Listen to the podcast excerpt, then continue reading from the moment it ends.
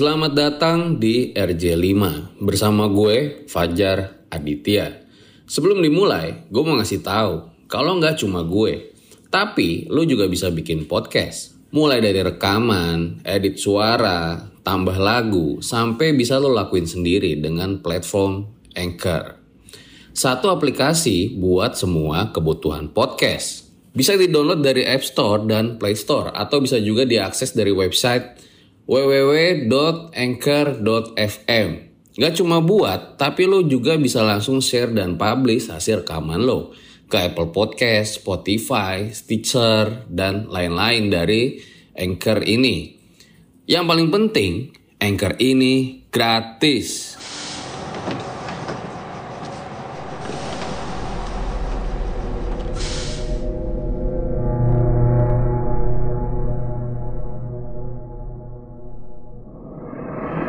Bakalan gak bakalan lupa gue karena ada orang kerja tapi padahal kan dia udah meninggal. Pak pak Rati gak ada. Gak ada. Ah gue yakin si Rati itu ada di musola gitu kan. Pak Arya tolong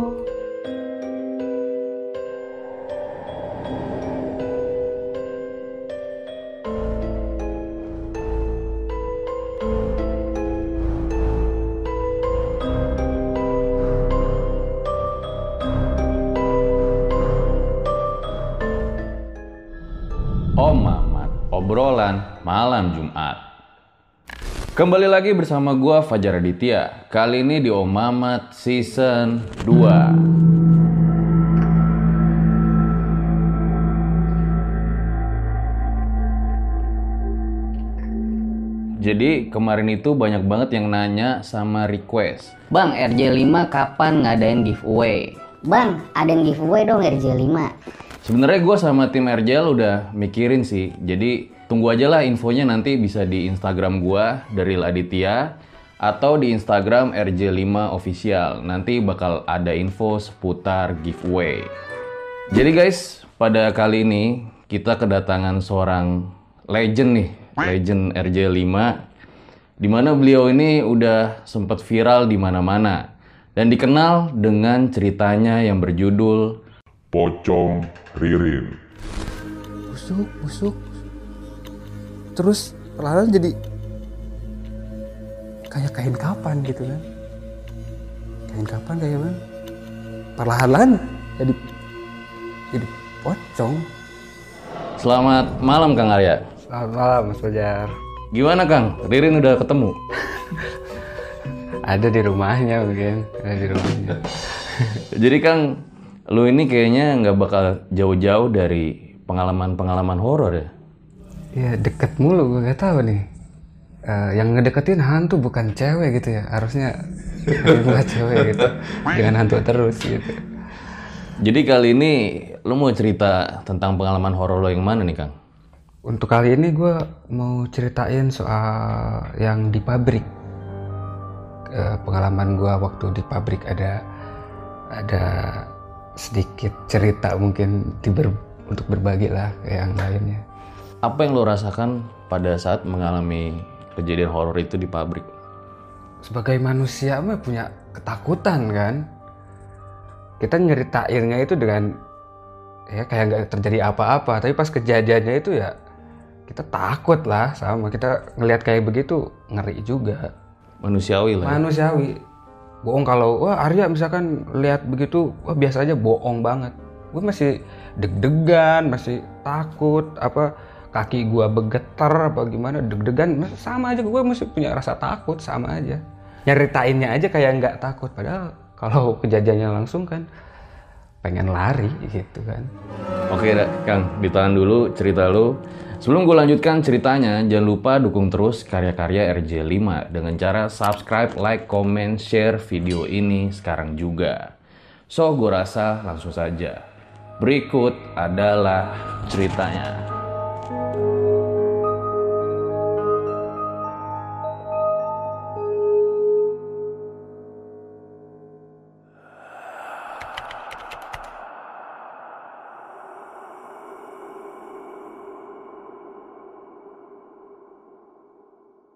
Datang lagi nih untuk ketiga kalinya ke RCL terus yang gue mau ceritain kali ini itu soal pengalaman gue waktu gue di pabrik kerja di pabrik. Eh, kejadiannya enam tahun yang lalu. Gue kerja di pabrik garment tekstil. Nah waktu itu ada kejadian di mana salah satu anak buah gua ikut kerja masih kerja seperti biasa. Dan ternyata di akhir-akhirnya ketahuan kalau dia itu se- se- udah udah meninggal. Pertamanya waktu gua kerja di situ ya kerja seperti biasa lah gitu kan. Nggak ada hal-hal aneh ataupun kalau ada gangguan-gangguan penampakan-penampakan itu kalau di pabrik itu pasti ada lah. Teman ah selewat-selewat itu biasa lah Bisa lo gambarin Kang ruangan kerja pabriknya tuh? kayak gimana ya? Pabriknya itu kalau garment itu kan luas ya. Terus mesin mesin aja kayak gitu kan. Dua bulan atau tiga bulan gua kerja di situ ada kejadian kesurupan massal. Kesurupan massal. Jadi awalnya di pabrik pagi-pagi ya kalau di garment itu atasan-atasan itu pada galak sebenarnya pada galak sama anak buah itu pokoknya cepet-cepet loh. Gimana sih kerjanya biar cepet gitu kan. Nah di situ ada kejadian di mana mungkin si atasan ini ngebilanginnya itu keras banget terus si anak buahnya itu sampai nangis. Nah awalnya di sini nih yang kesurupan masal itu. Diomelin terus dia nangis kan si cewek ini nih. Nangis satu orang. Eh ke sini ke sini ada yang ikutan nangis juga. Mungkin diomelin juga. Nangis nangis nangis. Ada sekitar tiga atau empat orang cewek yang pada nangis lah. Nah ke sini ke sini kan jadi yang tadinya nangis jadi ngamuk-ngamuk gitu loh. Nah dari empat orang ini ya jadi ngerembet. Ngerembet tuh dari depan belakang. Pokoknya random banget lah gitu kan. Maksudnya nggak nggak nggak ngebaris atau gimana. Di sini misalkan yang nangis di sini yang nangis ke sananya juga di Itu belakang. siang. itu siang pagi jam jam 8 jam 9 gitu. Masuk kerja itu kan jam 7 itu baru sejam atau dua jam kerja itu udah memang kejar target gitu kan mau ekspor gitu. Nah, itu kan eh, misalkan kita lagi di garment itu ada ada celana ada baju lagi produksi gitu kan dibuang-buangin ada yang lempar karton kayak gitu kan. Itu orang ya bukan bukan bukan ini tapi kesurupan. Pokoknya kacau banget lah pabrik. Maka di situ kan eh, udahlah keluar keluar keluar keluar gitu kan. Eh, soalnya yang kesurupan makin banyak nih. Maunya kita maunya kita ada kejadian kesurupan masal ini udahlah eh, dipulangin lah gitu kan. Karyawan semuanya pulang tapi yang di kantor itu oh jangan jangan. Jangan dipulangin. Nanti juga ya apa ya yang kesurupan aja kita bawa keluar. Tapi kan yang sebagian yang nggak kesurupan itu ada udah ada di luar kan? Udah ada di eh, parkiran kayak gitu kan? Nah ke sini ke sininya ya yang tadinya kesurupan cuma satu atau dua orang ya jadi ngerembet semuanya. Yang nggak kesurupan yang pada diem di luar pabrik ya ikut kesurupan juga. Nah jadi di situ ada ratusan malah yang ini yang kesurupan Se- 100 200 orang lebih pokoknya banyak banget sampai di situ eh, gerbang dibuka udahlah pada pulang lah pada pulang Akhirnya dipulangin tuh. dipulangin mau nggak mau Chaos banget ya.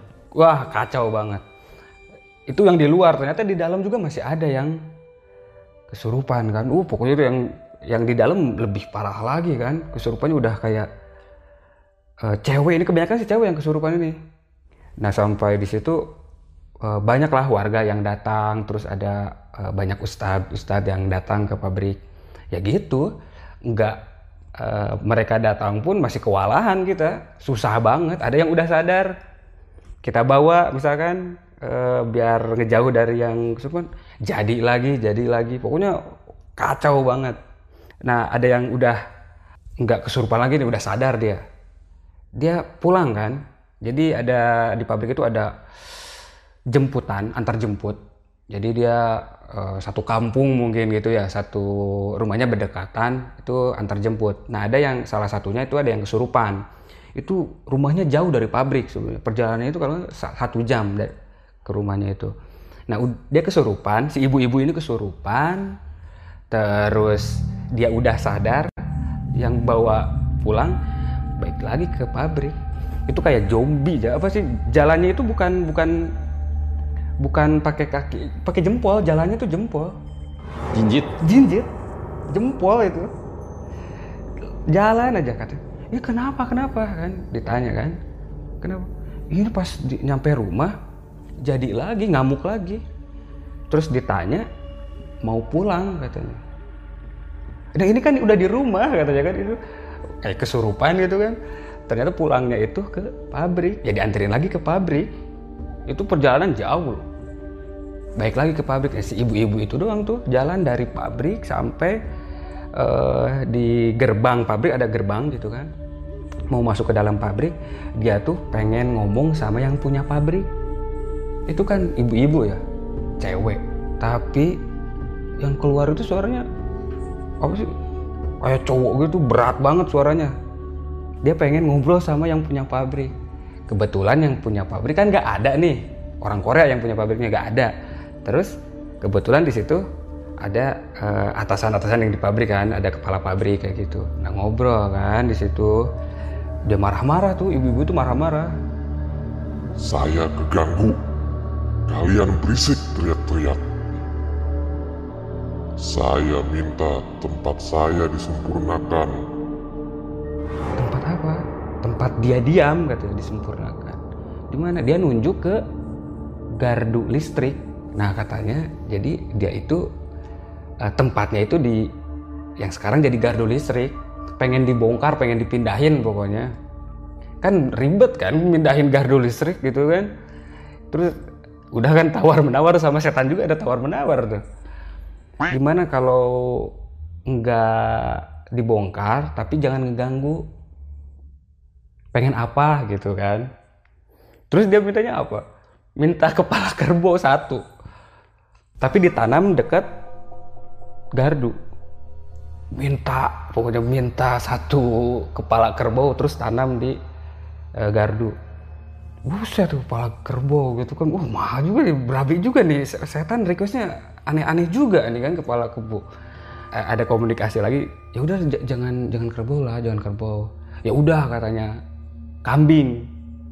Minta kepala kambing. Kambing yang warna hitam. Itu juga dia minta untuk dikubur di dekat gardu. Wah masih mahal gitu kan. Kambing mahal nih. Kalau ayam mau nggak ayam ayam? Iya nggak apa-apa katanya. Tapi sembilan ya katanya. Ya udahlah kalau ayam ya nyari ayam kampung kita. Itu detik itu juga kita nyari ayam kampung. Ya udah ya ayam tapi jangan ganggu ganggu lagi ya gitu kan. Berarti dari tadi masih di area yang sama terus ya? Mm-mm. Sampai cari ayam juga.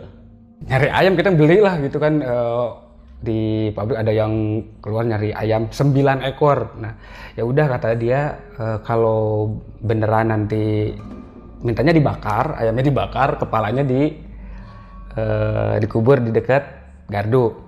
Ya udah kan kalau ini eh, to- tolong jangan bohong katanya. Saya mau pulang. Nah kan dari gerbang itu ke belakang tuh. Dia mau ke WC mau ke WC katanya. Saya mau mau ke sana katanya kan. Tempat saya di sana nongkrongnya mungkin tempat nongkrong dia di WC mungkin. Jalan tuh jempol itu kan jinjit gitu kan. Jalan jalan jalan. Itu ke gerb ada eh, kamar mandi itu kan pakai gerbang juga nih ada gerbang juga. Dia nabrakin diri gembreng. Udah tuh ibu-ibu pingsan gitu kan. Nah, udah gak ada. Napas eh, nabrak nabrak gerbang itu itu kayak ada angin gitu. Beberapa orang ngerasain ah, anginnya tuh kenceng banget pas ibu nabrak nabrakin diri ke ini ke gerbang ada angin kenceng banget. Udah terus ibu pingsan dia pergi. Nah udah kan request ki- kita harus konsekuen kan. Kita perjanjian punya perjanjian 9 ekor ayam kepalanya doang dibakar terus pengennya eh, kepalanya dikubur di gardu. Oke lah udah dicari kan. Udah kita bakar. Nah 9 kepalanya itu udah dibakar ya gua sendiri sama security yang ngebawa ke gardu. Kan minta dikubur tuh. Kita ikutin lah. Kita gali tanah dekat gardu ada tanah sedikit. Nah itu yang galinya itu security. Nah gue yang naroknya tuh. Gue taruh kepala ayam di situ kita kubur kan. Gue penasaran gitu kan. Dia minta apa minta kepala ayam memang mau dimakan? gitu kan. Gue balik kan. Gue jalan gitu gue kebalik. Buset kan itu kan pakai kepala ayamnya itu pakai ini pakai kertas kan. Kita bawanya pakai kertas ada kertasnya putih gitu kan. Itu habis gak ada. Gue sama security kita cek kita cek gitu kan. Bener itu gak ada. Padahal kan berapa detik gitu kan. Kita taruh kita jalan pas nengok gue penasaran udah gak ada itu. Ya, mungkin dimakan apa gimana gue gak tahu. Security-nya lihat juga tuh. security bukan gua doang. Secu- security buset lapar juga tuh setan katanya gitu. Security bilang kayak gitu kan. Itu kejadian di hari pertama gitu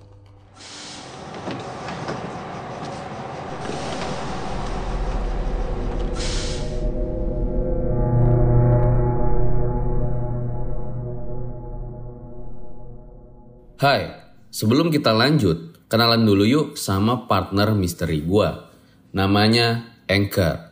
Anchor ini adalah all-in-one podcast editing platform yang membuat gue lebih mudah untuk rekaman, edit suara, tambah lagu, dan segala hal dalam pembuatan podcast yang sedang kamu dengerin kali ini. Anchor bisa membantu kamu bikin podcast kamu sendiri. Caranya tinggal download dari App Store dan Play Store atau bisa juga diakses di www.anchor.fm.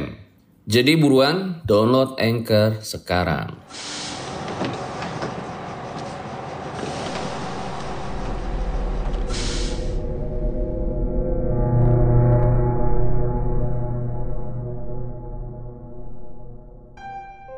Nah, kebesokannya ini dia nih yang kejadian yang nggak bisa gua lupain juga nih.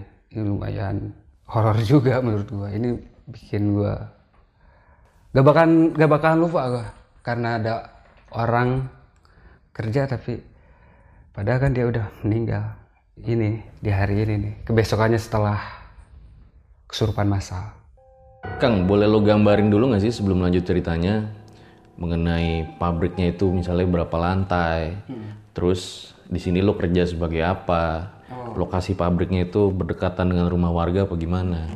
pabrik garment itu kan nggak eh, apa sih cuma satu lantai doang kan? Satu lantai doang. Terus ada office-nya itu eh, cuman nggak nggak berlantai-lantai sih. Masih ada di situ juga. Terus gua di situ gua jadi eh, supervisor land produksi. Gua waktu itu gua masih di produksi.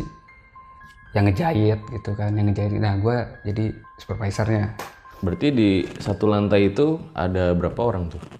karyawannya ya hampir 800 800-an seribuan Gede juga ya berarti ya? Iya jadi eh, pa- pabriknya kan lebar tuh kayak gitu. Jadi produksi di situ. Jadi kan ada bagian-bagiannya tuh kalau di garment. Ini gudang, terus sebelah sininya ada cutting, terus ke sininya ada produksi, ada finishing kayak gitu. Lokasi pabriknya adalah di Jawa Barat gitu ya di Jawa Barat. Itu pabrik emang apa ya? Dulunya itu kan kebun, sebagian ada kuburan sih. Ada kuburannya masih sisa masih masih ada. Di samping di belakang pabrik itu masih ada. Masih ada kuburan yang tersisa. Jadi yang sebagian eh, gardu pos security kan itu di depan tuh. Itu dulunya kuburan. Kayak gitu terus eh, pabriknya itu cuman di daerah itu cuman ada satu sih eh, sebagian kan di situ ada perumahan sih rumah-rumah warga lah Eh, keesokan harinya tuh pagi-pagi ya kerja lah seperti biasa kan. Sekarang di hari yang kedua ini lumayan adem lah. Takutnya apa jaga-jaga lah. Takut kayak kemarin kita suara musik keras terus orang teriak-teriak eh, ngomelin anak buahnya gitu kan. Nah di hari yang kedua ini lumayan inilah lumayan adem lah. Musik juga biasanya dangdut sekarang agak melo-melo gitu kan. Pokoknya pelan ya, tenang aja kayak gitu. Sebagai supervisor itu kan cuma ayo ayo ayo cepet cepet kayak gitu doang kan. Gue kan eh, apa ada anak buah gue cewek gitu. Gue suka sama dia sebenarnya suka lah suka doang. Padahal gue udah, udah udah punya cewek gitu kan. Gue suka apa tuh? Apa ya? Eh, manis gitu senyumnya. Terus kerjanya itu nggak banyak neko-neko nggak banyak alasan. Kalau di pabrik kan bentar-bentar ke minta izin. Ke WC gitu kan padahal dandan lah. Apa kalau cewek kan kalau cowok ngerokok ngobrol lah gimana. Dia itu karya eh, si cewek ini baik lah pokoknya jarang jarang alasan alasan gitu. Kerja ya kerja aja. Nah gue tuh agak suka sama dia. Nah di hari itu pas kesurupan masalah juga eh, yang kemarinnya itu dia agak beda gitu. Atau dia takut apa gimana kan banyak kesurupan. Nah di hari itu beda juga nih. Biasanya senyum ke gua enggak nih. Gitu kan apa sih? Flat gitu datar aja. Nah gua tanya kan kenapa lu? Gitu ya lu gak, gak enak badan lu. Beda banget. Gitu. nggak ngejawab. Nggak ngejawab. Sebagai supervisor harus perhatian lah sama anak buahnya. Ya udah eh, istirahat aja lah istirahat aja di eh, musola ya istirahat aja. Nah gue panggil ADM gue kan. ADM gue tuh cewek. Sini eh, antar antar antar gue gue ini tuh gue bawa ke musola. Cewek ini namanya Ratih. Cewek yang gue suka ini nih gue bawa tuh ke musola. Terus ada security kan dekat ini Eh, di pabrik garmen itu setiap di pintu gerbang ada security di eh, kamar mandi itu di WC ada security. Nah gue titipin kan security cewek. Bu nitip ya mau istirahat gitu kan. Kayaknya sakit. Nanti kalau apa-apa kasih tahu aja misalkan kalau butuh apa-apa ya udah tuh istirahat kan di musola. Gue pegang tuh tangannya sama ADM gue juga. Udah gue kerja lagi seperti biasa kan. Nah jam istirahat semuanya kan pada keluar tuh. Yang karyawan itu eh, pada keluar nyari makan lah nyari makan makan siang istirahat. Pas gue mau nyari makan gue dipanggil. Eh, di pos di, di pos security itu ada eh, bapak-bapak ada ibunya. Itu satu keluarga gitu kan gue dipanggil kan pak pak pak ke sini bentar. Gua ke pos security kan terus nanya oh ini pak katanya. Ini keluarganya dari Rati nanyain katanya. Oh ya Rati ada kok. Nah terus cerita tuh keluarganya. Iya udah nggak udah nggak pulang seminggu katanya. Biasanya ngabarin eh, sekarang udah nggak ngabarin. Jadi kalau dia rumahnya agak jauh dari pabrik gitu kan Terus kalau pulangnya malam, lembur pabrik kan kalau di Garmin tuh bisa sampai jam 9, jam 10. Nah, si Rati ini emang gue juga gue tahu gitu kan kalau pulangnya malam dia nggak pernah uh, pulang ke rumahnya. Biasanya ke teman-temannya gitu kan, ke kosan kayak gitu. Nah, gue bilang kan ke keluarganya, oh, ada kok ada uh, kebetulan uh, hari ini kerja terus sakit. Ada kok di musola gitu kan. Oh ada. Oh ya apa apa kalau ada mah gitu kan. Tapi kan sakit. Nah, gua tuh ini sakit kalau mau dibawa pulang juga gak apa-apa gitu kan. Oh ya udah mau saya bawa pulang aja gitu kan. Gua nyuruh uh, security yang cewek bu bu uh, bawa aja bu. Di ada di musola bawa aja biar pulang gitu kan udah tuh ibu security ke dalam mau jemput Ratih kan mau dianterin. Pas balik lagi gue lihat dari jauh gitu kan di pos security kan lumayan agak jauh ke ini ke pabrik.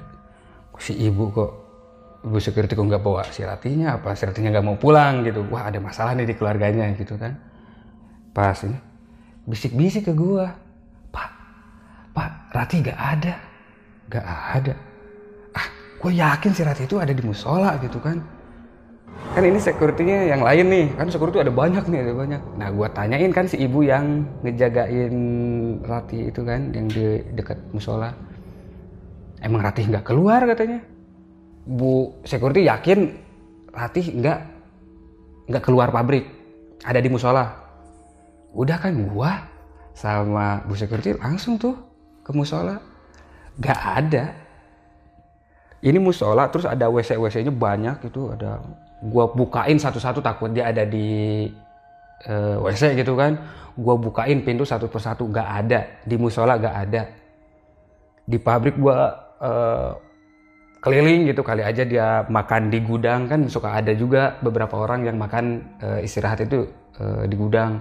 Gua ke gudang gak ada siapa-siapa, gak ada siapa-siapa udah bilang ke orang tuanya Rati ada tapi gak ada gue bingung juga ngejelasinnya kan. Nah gue gue bilang aja kan ke orang tuanya "Eh, iya Ra- Ratinya keluar kayaknya tapi eh, terakhir mah ada di dalam. Tapi nggak ada kayaknya keluar. Nanti lah kalau kalau ada mau disuruh pulang aja. Eh, sekarang ibu bapak kalau mau nunggu silahkan mau pulang juga silakan. Oh ya udah deh saya eh, kalau ada udah apa-apa kalau arti ada gak apa-apa. Ibu sama bapak pulang. Udah tuh orang tuanya Ratih pulang kan nah kita semua jadi rame itu pas makan siang itu pada rame. Kenapa? Karena eh, bu security ini pada tahu kalau ada orang di dalam. Ratih itu di dalam nggak keluar. Udah tuh di situ jadi rame ah gak gak nggak lihat Ratih nggak lihat Ratih. Nah sebagian kan nggak ngelihat. Lah gua kan Yang ah, iya maksudnya gak lihat itu gini. Ah gak ada gak kerja. Udah berapa hari jadi beberapa orang di Garmen itu tahu kalau kenal Ratih nih tapi tahu eh, Ratih itu nggak kerja. Lah tadi gue nganterin kan. Security juga tahu eh, Ratih itu ada. Gue yang nganterin sama ADM itu mulai rame tuh. Terus eh, bel eh, masuk gitu kan bel masuk. Gak ada bener, Ratih itu gak ada. Ah, sampai ADM gue udah mulai ini nih. Apa, eh, dia kan deket sama Ratih kan deket gitu kan. Pak gimana pak, katanya kan tadi ada kok gak ada. Terus orang-orang bilangnya emang Ratih gak kerja. Lah gue ngeliat itu ada. Ngisi absen gak kata gue gitu kan. Kalau di Garmen ngisi absen pakai tanda tangan. Ada, tanda tangannya ada. Tanda tangan si Ratih itu ada beberapa orang nggak lihat beberapa hari udah nggak lihat tapi gue lihat kan hari itu lihat gue yang nganterin udah kan di situ wah pokoknya rame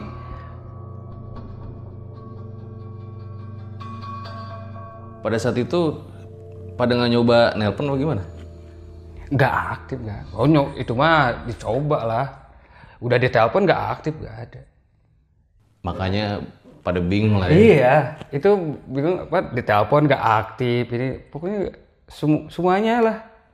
Nah yang gue bingung kan abis kejadian Ratih nggak ada di musola sebagian pada ngeliat sebagian lagi ah nggak ada udah berapa hari nggak kerja. Tapi gue sama ADM yakin Ratih itu kerja ya? Gue yang nganterin. Dulu beberapa hari sebelumnya juga lihat Rati kerja. memang. ada ada. Nah ADM-nya bukan gue doang. ADM gue juga kan lihat. Ada tanda tangan ada. Tapi di land gue sendiri yang ada jumlahnya itu 40 lebih. Produksi itu 40 orang lebih. Sebagian ada yang ngelihat sebagian lagi enggak. Nah itu kan jadi nah ADM gue kan cewek nih.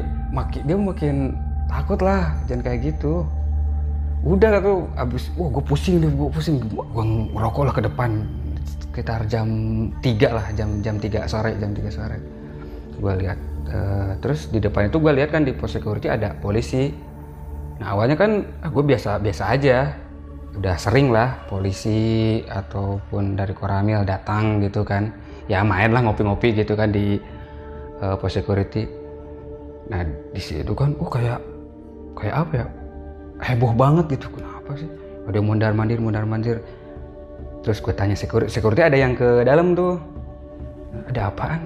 Itu katanya ada yang eh, polisi nemuin mayat. Gue banyak ah mayat di mana? gitu kan. Gue pikir itu cuman info sekelas info doang lah. Polisi datang terus eh, ceritain kayak gitu. Karyawan kita Hah? polisi cerita tuh nemuin mayat pakai seragam pabrik